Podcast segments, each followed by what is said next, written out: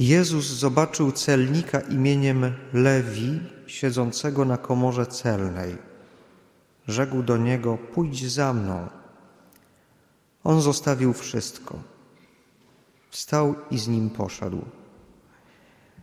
Potem Lewi wydał dla niego wielkie przyjęcie u siebie w domu, a spory tłum celników oraz innych ludzi, którzy zasiadali z nim do stołu. A był spory tłum celników oraz innych ludzi, którzy zasiadali z nim do stołu. Na to szemrali faryzeusze i uczeni ich w piśmie, mówiąc do jego uczniów: Dlaczego jecie i pijecie z celnikami i grzesznikami? Lecz Jezus im odpowiedział: Nie potrzebują lekarza zdrowi, ale ci, którzy się źle mają. Nie przyszedłem powołać do nawrócenia się sprawiedliwych, lecz grzeszników. I tak jesteśmy już w trzecim dniu wypatrywania znaków Bożej obecności.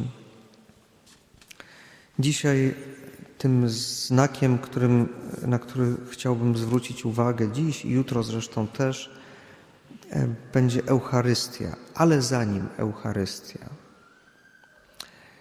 To właśnie ten brakujący dzień w rekolekcjach,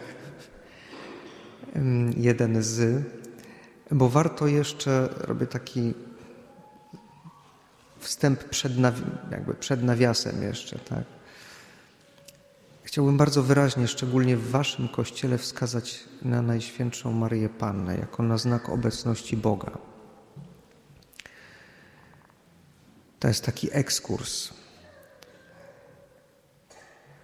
ponieważ za każdym razem, kiedy przychodzicie Wy tutaj do tego kościoła, do tej świątyni i widzicie nad ołtarzem i to w dwóch przedstawieniach aż, bo jeden na tym rysunku na górze, na tym malowidle na górze, a drugi w głównym ołtarzu nad tabernakulum, niewiasta obleczona w słońce, wieniec z gwiazd dwunastu nad jej głową i stojąca na księżycu, depcząca węża. Ona jest też znakiem, znakiem Bożej obecności ponieważ w niej począł się Pan w ciele ludzkim. Kiedy modlimy się litanią loretańską, co i róż jakieś wezwanie wskazuje nam na to, że ona jest wypełniona obecnością Pana. Ponieważ chociażby to wezwanie Arko Przymierza, módl się za nami, Arka Przymierza, którą nosili ze sobą Izraelici, w której była laska Mojżesza, tablice Przymierza i do czasu była również tam manna, to były te znaki również wskazujące na obecność Pana w życiu Izraelitów w kluczowych momentach ich historii. Szczególnie w takich momentach, kiedy, kiedy ludowi wybranemu groziło jakieś wielkie niebezpieczeństwo. Laska Mojżesza to była ta laska, którą on się posługiwał, kiedy Pan Bóg zsyłał plagi egipskie, które też były znakami dla Egipcjan. Każdy dostaje takie znaki, jakie jest w stanie zrozumieć. Oni dostawali plagi. Ta laska była symbolem również przejścia przez Morze Czerwone, wyprowadzenia ludu na wolność. Manna, kiedy wydawało się, że lud umrze z głodu. Pan Bóg stał się obecny wśród nich, zesłał im mannę i przepiórki. No i wreszcie tablice przymierza.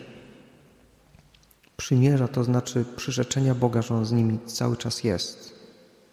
Przymierze to jest umowa. Będę z Wami, jestem z Wami.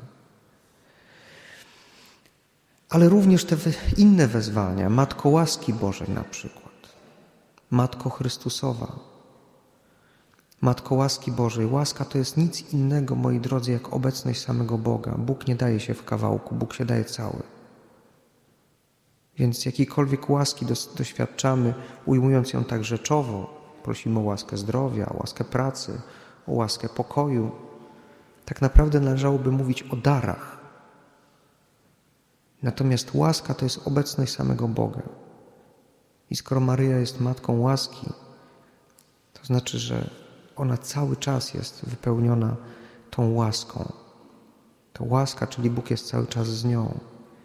I wreszcie, kiedy modlimy się chociażby różańcem, mówimy zdrowaś Maryjo, pełna łaski, kecharitomene, tak naprawdę przeniknięta łaską, przeniknięta łaską, pełna Boga.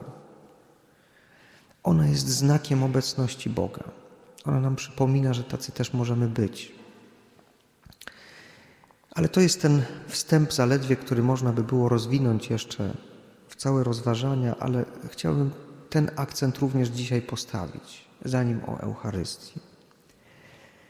Więc dzisiaj tym odmienionym spojrzeniem poddanym metanoi spoglądamy właśnie na Eucharystię, na znak obecności Boga.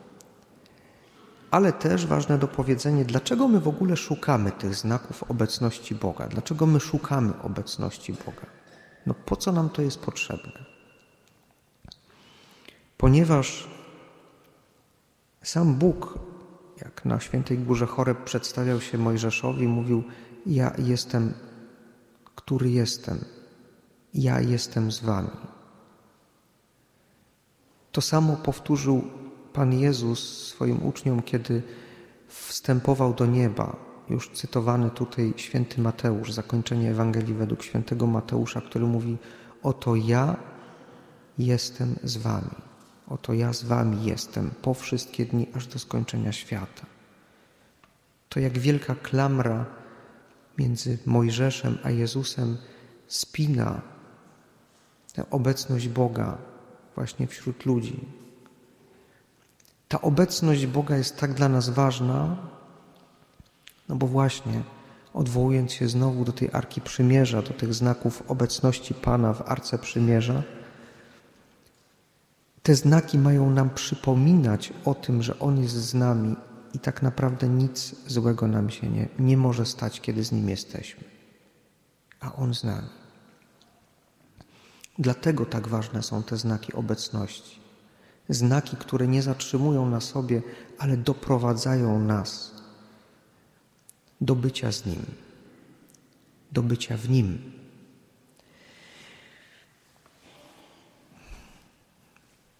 Eucharystia.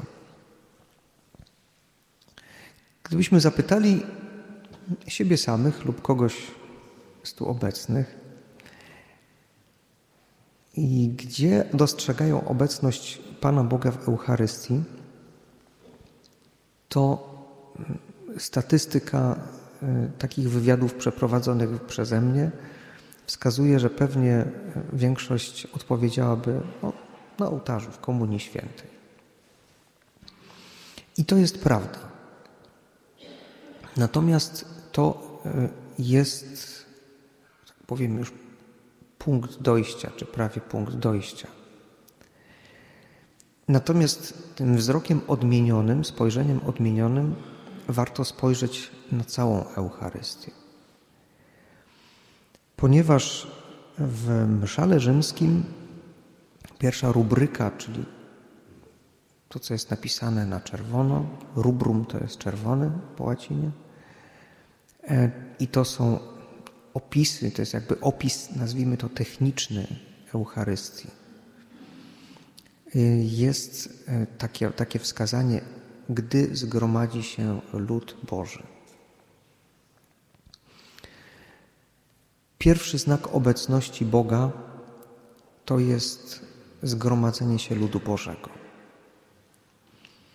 Kościół jest po grecku nazwany i łacina zapożycza to słowo ekklezja, które pochodzi od słowa kaleo, czyli wołam, zwołuję.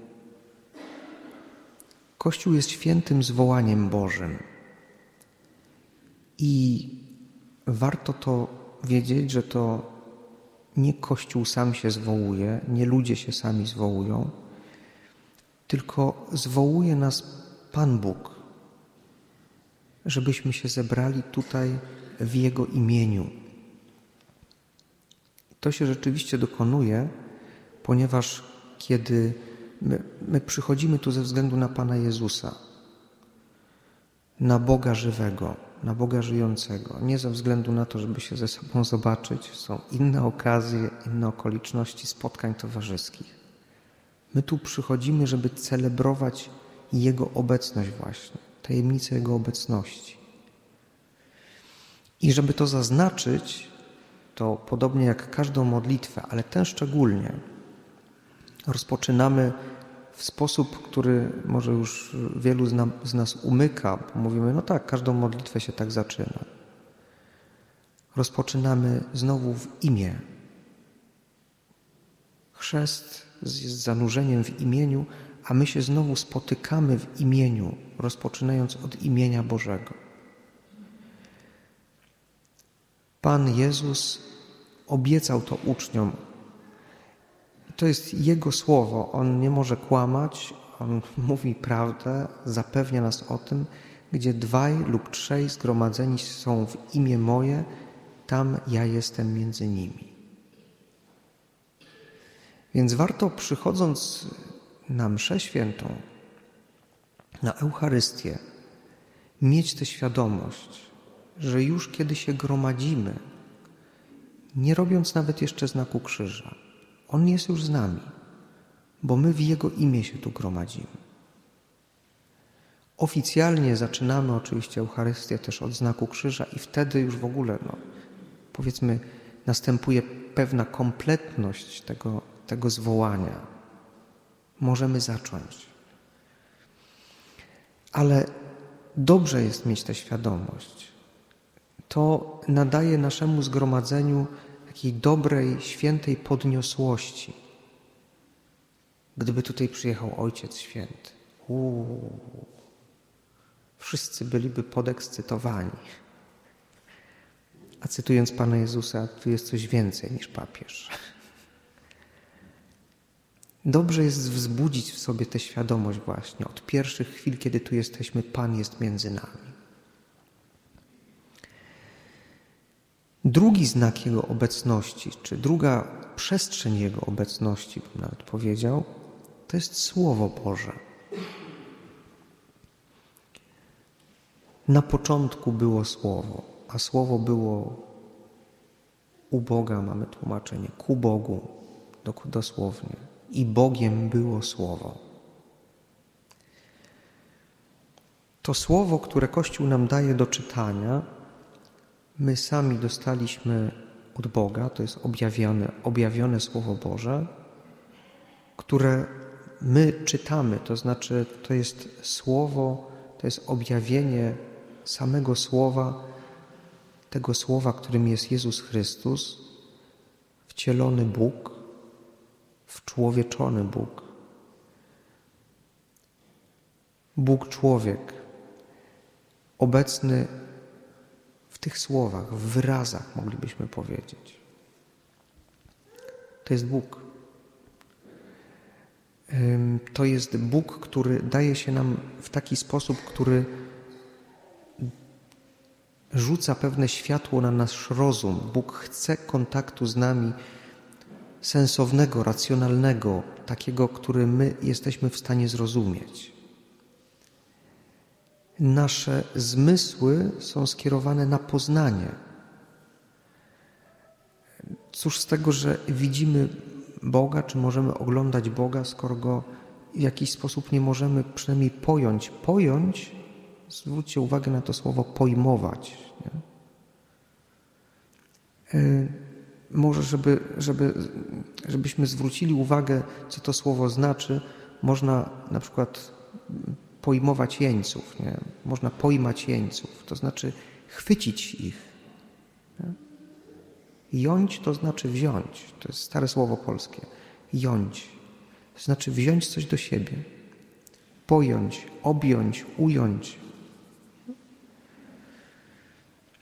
Bóg chce wkroczyć w naszą przestrzeń, w przestrzeń naszego rozumu, naszego serca, po to, żebyśmy my również myślami, rozumem byli zaangażowani w Jego obecność, żeby On mógł być z nami również na tym poziomie. A więc Słowo Boże, sam wcielony Bóg, daje się nam również w tym Słowie właśnie. Trzecia przestrzeń obecności, czy kolejna przestrzeń obecności,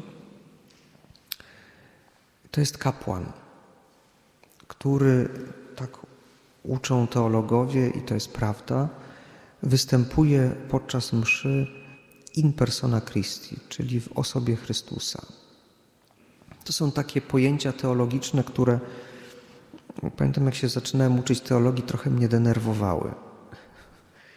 Bo to są tak czasami nieostre jakieś pojęcia, takie tak pojemne te pojęcia, takie, ja byłem przyzwyczajony jako prawnik do takiej precyzji, wiecie, do takiej ostrej, wyciętej skalpelem, tak, do, do, do milimetra.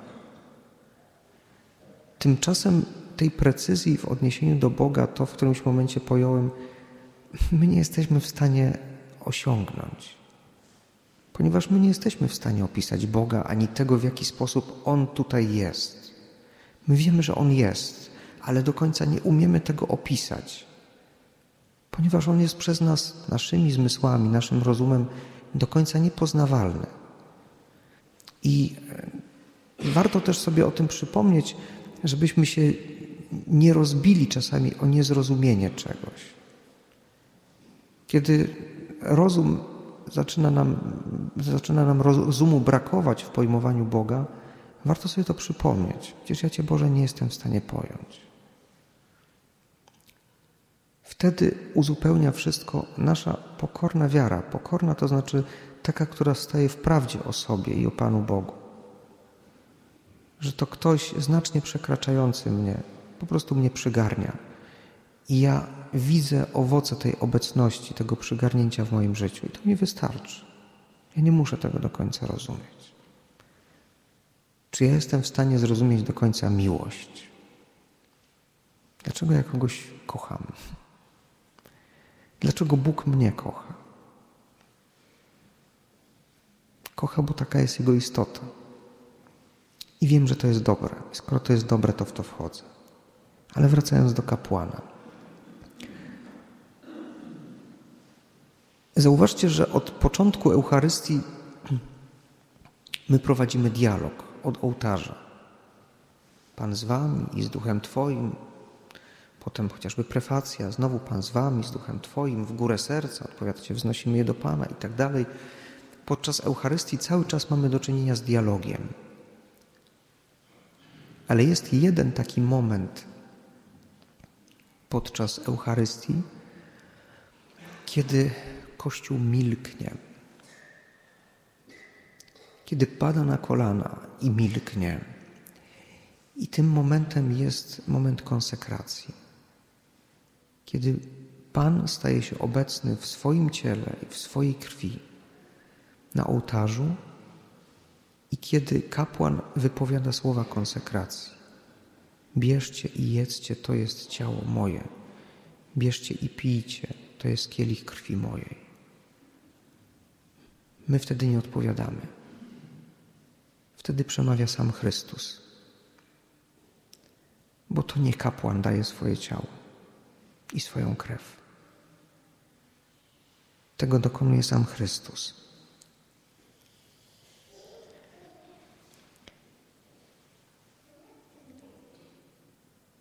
Kolejna przestrzeń, czy kolejny znak tej Bożej obecności, to jest oczywiście to, o czym właśnie przed chwilą zostało powiedziane: chleb i wino, w którym staje się obecny Pan. I to jest moment, na który warto zwrócić uwagę z dwóch e, powodów, czy jakoś inaczej właśnie spojrzeć jeszcze na ten moment. W jaki sposób się Pan staje obecny tutaj w, w, w kościele na ołtarzu? Otóż e, zwróćcie uwagę, proszę, że w większości modlitw eucharystycznych są dwie bodajże, w których tego tak wprost nie ma. Następuje taki akt, który się nazywa fachowo epikleza.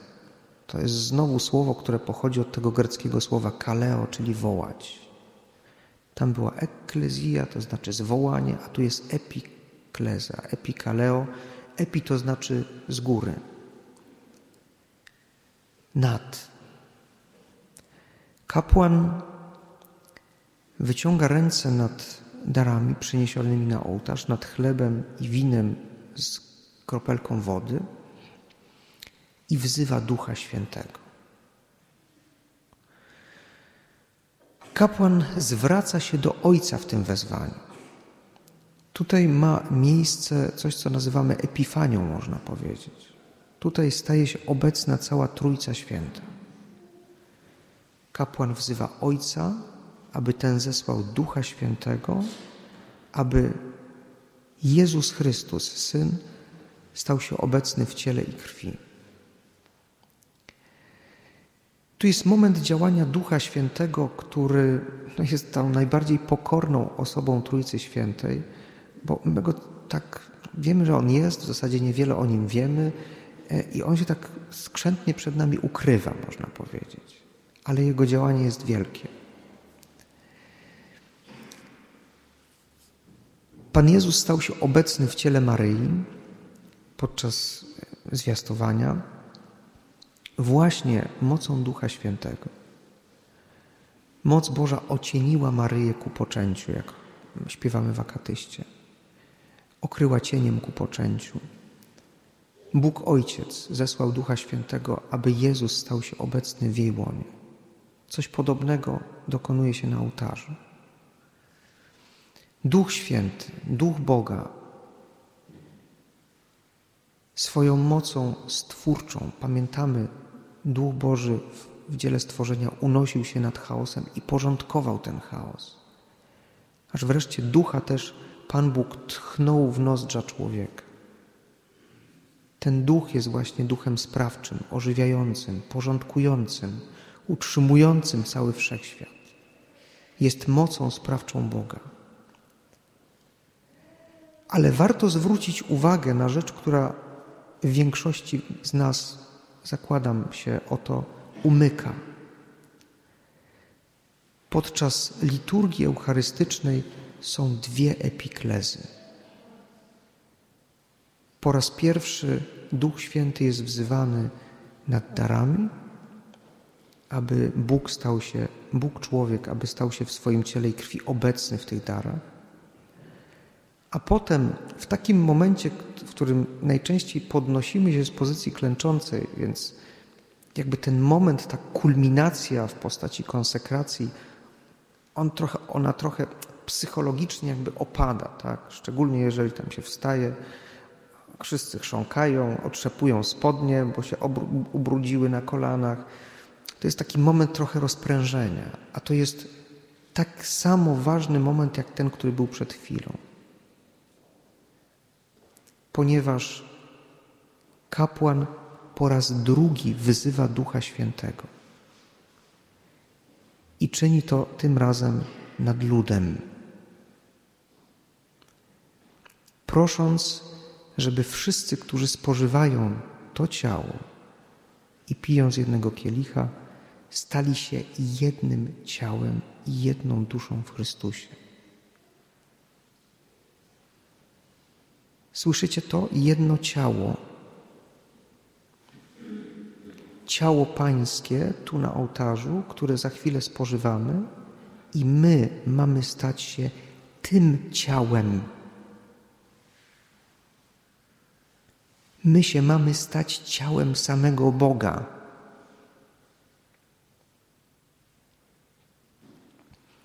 I to się ma stać mocą Ducha Świętego.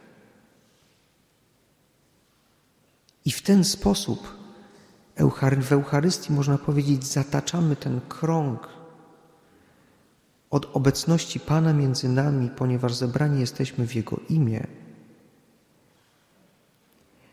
do tego momentu, kiedy wstępujemy w świętą komunię, czyli w święte zjednoczenie z Nim i między sobą i stajemy się Jego ciałem. Tak, Proszę się nie dziwić temu, co teraz powiem. że pomiędzy tym Chrystusem Eucharystycznym, przed którym klęczymy na ołtarzu, a moim bratem, siostrą, który właśnie wstąpił w świętą komunię, nie ma żadnej różnicy. Żadnej.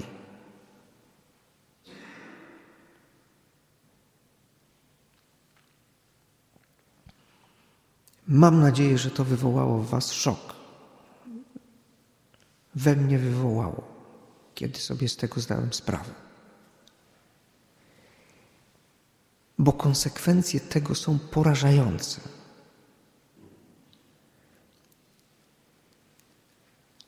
Jeżeli widzę brata, który przystąpił do świętej komunii, czyli do tego świętego zjednoczenia, to tak samo jak nie przyjdę i nie zrzucę z ołtarza najświętszej hostii, nie zbezczeszczę jej, nie mogę jej złorzeczyć. Nie mogę, po prostu nie mogę.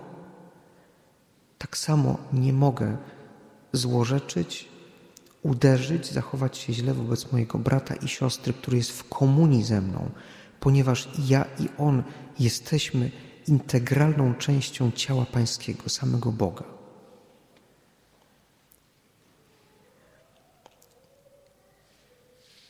Dalszą konsekwencją właśnie tego, tej świętej komunii jest to, że znowu wracam do, do tego, co mówiłem, do małżonków wczoraj i narzeczonych, do Chrztu Świętego, że Eucharystia nie kończy się wraz z błogosławieństwem i wyjściem poza próg świątyni. Ponieważ to ciało Pańskie, które przez chwilę w świętej komunii się zjednoczyło, no co się z nim staje? Ono wyparowuje? Rozrywa się na kawałki i przestaje istnieć? Nie. To ciało Pańskie, ten Bóg, którym my się stajemy, tak, to jest prawda, stajemy się Bogiem,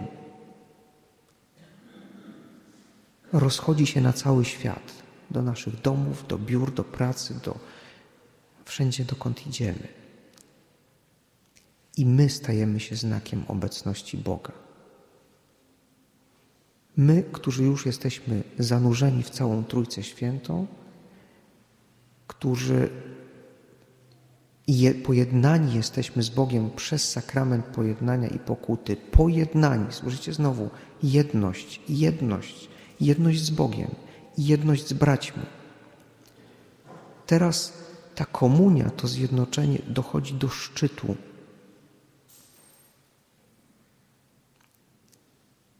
Bóg po to stał się człowiekiem, żebyśmy my stali się Bogiem. I to się dzieje w Eucharystii. I dobrze jest o tym, moi kochani, pamiętać, wiedzieć o tym i pamiętać. Niektórzy właśnie pytają mnie też podczas spowiedzi, ale proszę Ojca, no, jak to zrobić, żeby się na kogoś nie denerwować, żeby z moich ust nie wychodziło złe słowo żebym nie pił, żebym nie dokonywał czynów nieczystych, żebym nie oglądał tego, co jest brudne, plugawe. Wystarczy ta świadomość. Jestem częścią ciała Chrystusa. Stałem się Bogiem. Po pierwsze, nie mogę bezcześcić ciała Pańskiego, a po drugie, jest we mnie moc samego Boga żebym mógł spokojnie to odsunąć. Po to właśnie zastanawiamy się nad tym, po to medytujemy te znaki obecności Boga i obecność Boga w nas. Żebyśmy wreszcie odkryli, jaka moc, jaką moc w nas Pan składa. I żebyśmy w tym, co się wydaje nam właśnie takie prozaiczne, codzienne, w naszym życiu po prostu, żebyśmy umieli dać tej mocy Bożej przestrzeń do działania, żebyśmy jej nie blokowali przez swoją niewiarę. Tak, moc Boża działa w naszej codzienności, w naszej zwykłości. Odwołam się znowu do Najświętszej Maryi Panny, którą dzisiaj właśnie tak wynosimy ponad niebiosa. My, ona była taką samą dziewczynką, gdzie prymas Wyszyński mówił o niej dzie, dzieweczka z Nazaretu. On nie przyszedł do niej do pałacu, jak wszyscy wiemy. Ona sama urodziła w stajni. To są najniższe z możliwych nizin społecznych. Więc Bóg przychodzi ze swoją mocą również do naszych nizin, do naszej zwykłości, do szarości, do naszych nieszczęść. Po to, żeby moc Boża objawiła się w tej słabości i żeby była tym bardziej widoczna. Mam nadzieję, że te słowa wlewają wielką nadzieję w Wasze serca. Jeżeli Bóg z nami, kto przeciwko nam? I te słowa, które usłyszała też właśnie Bogu Rodzica podczas zwiastowania. Raduj się. Dla Boga nie ma nic niemożliwego. Wierzmy w to głęboko.